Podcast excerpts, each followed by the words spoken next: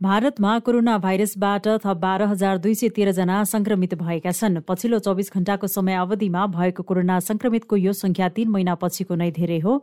यस वर्षको फेब्रुअरी छब्बीसमा भारतमा एघार हजार चार सय उनान्सय कोरोना भाइरसका संक्रमित थपिएका थिए। यसअघिको चौबिस घण्टाको समय अवधिमा आठ हजार छ सय एकचालिसजना कोरोना संक्रमित भएका थिए। भारतमा हाल कोरोनाको कुल संक्रमितको संख्या चार करोड़ बत्तीस लाख सन्ताउन्न हजार सात सय तीस पुगेको छ।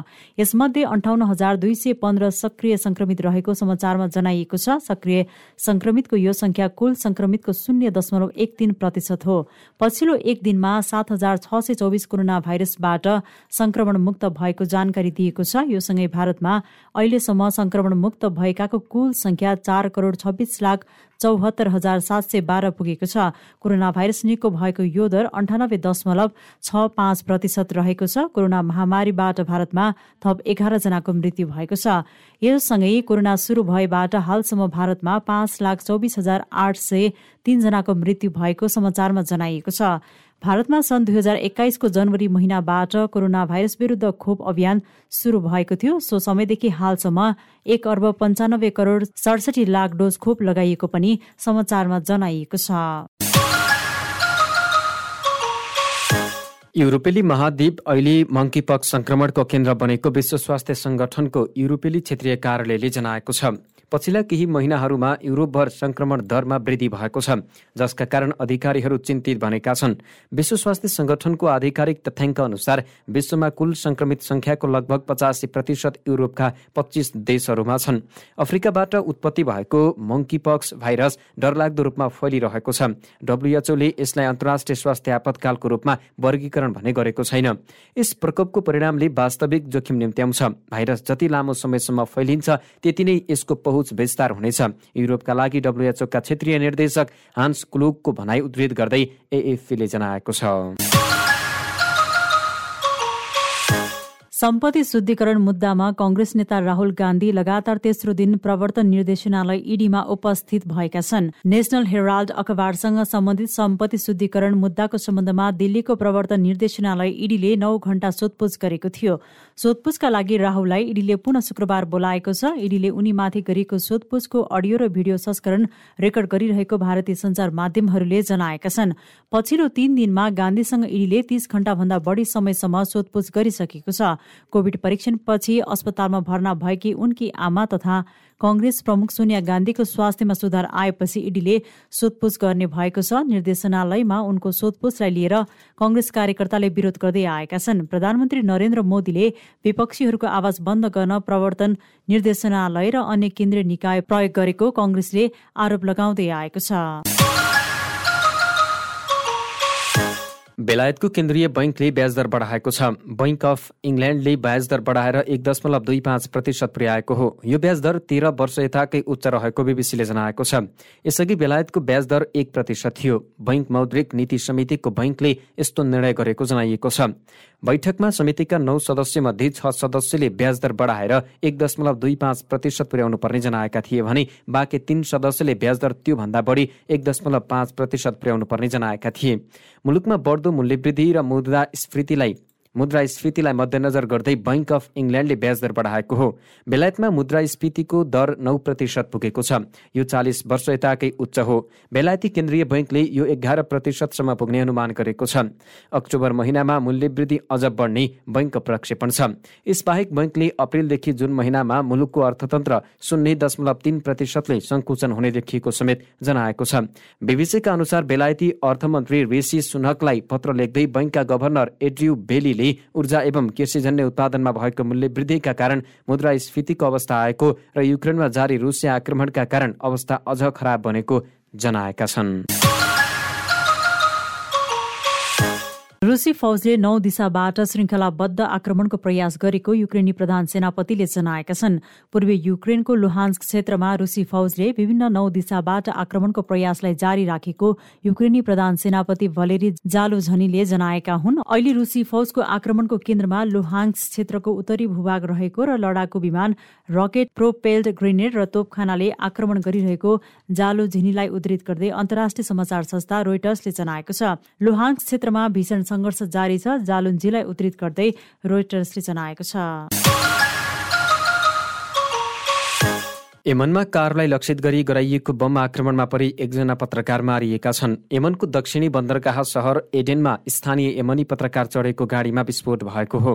मारिनेमा स्थानीय पत्रकार साबेर नुमान अल हैदरी रहेको जनाइएको छ। ती पत्रकार चढेको गाडीमा जडान गरिएको बमबाट एडेनको मनसौरा जिल्लामा ठूलो विस्फोट भएको स्थानीय सरकारी स्रोतले नाम नछाप्ने शर्तमा बताएका छन्। राति भएको विस्फोटनमा राति भएको विस्फोटमा पत्रकारको ज्यान गएको र धेरै यात्रुहरू घाइते भएका छन्। पत्रकार जापानी समाचार आउटलेटका लागि काम गर्दै आएका थिए। उनलाई किन निशाना बनाइएको थियो भन्ने तुरन्तै स्पष्ट नभएको जानकारी अधिकारीले दिएका छन्। हालसम्म कुनै समूहले विस्फोटकको जिम्मेवारी हालसम्म कुनै समूहले विस्फोटको जिम्मेवारी लिएको छैन तर युद्धग्रस्त अरब देशमा यस्तै घटनाहरूमा धेरै यमनी पत्रकार मारिएका छन्। यमन सन् दुई हजार चौधको उत्तरार्धदेखि गृहयुद्धमा फँसेको छ। हुथी लडाकुले यमनको उत्तरी भूभागमा कब्जा जमाएका छन् भने साउदी समर्थित यमनी सरकार अहिले शक्तिहीन जस्तै बनेको छ। स्थानीय अधिकारीहरूले एडेनमा सुरक्षा र स्थिरता कायम गर्न प्रयास गरिरहेका जनाएका छन्। यद्यपि रणनीतिक यमन बन्दरगाह सहरमा छिटफुट बम विस्फोटका घटनाहरू र गोलाबारी आक्रमणहरू अझै पनि हुने गरेको पाइन्छ।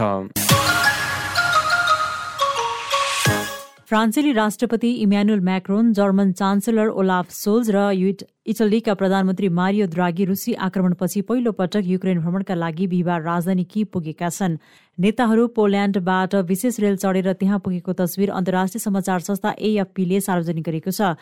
तस्विरमा उनीहरूलाई युक्रेनी राजधानीको प्लेटफर्ममा ओलिरहेको देखाइएको छ। शक्ति राष्ट्रका नेताहरूको यस किसिमको युक्रेनको सामूहिक भ्रमण फेब्रुअरी चौबिसमा रुसी आक्रमण पछिको पहिलो हो।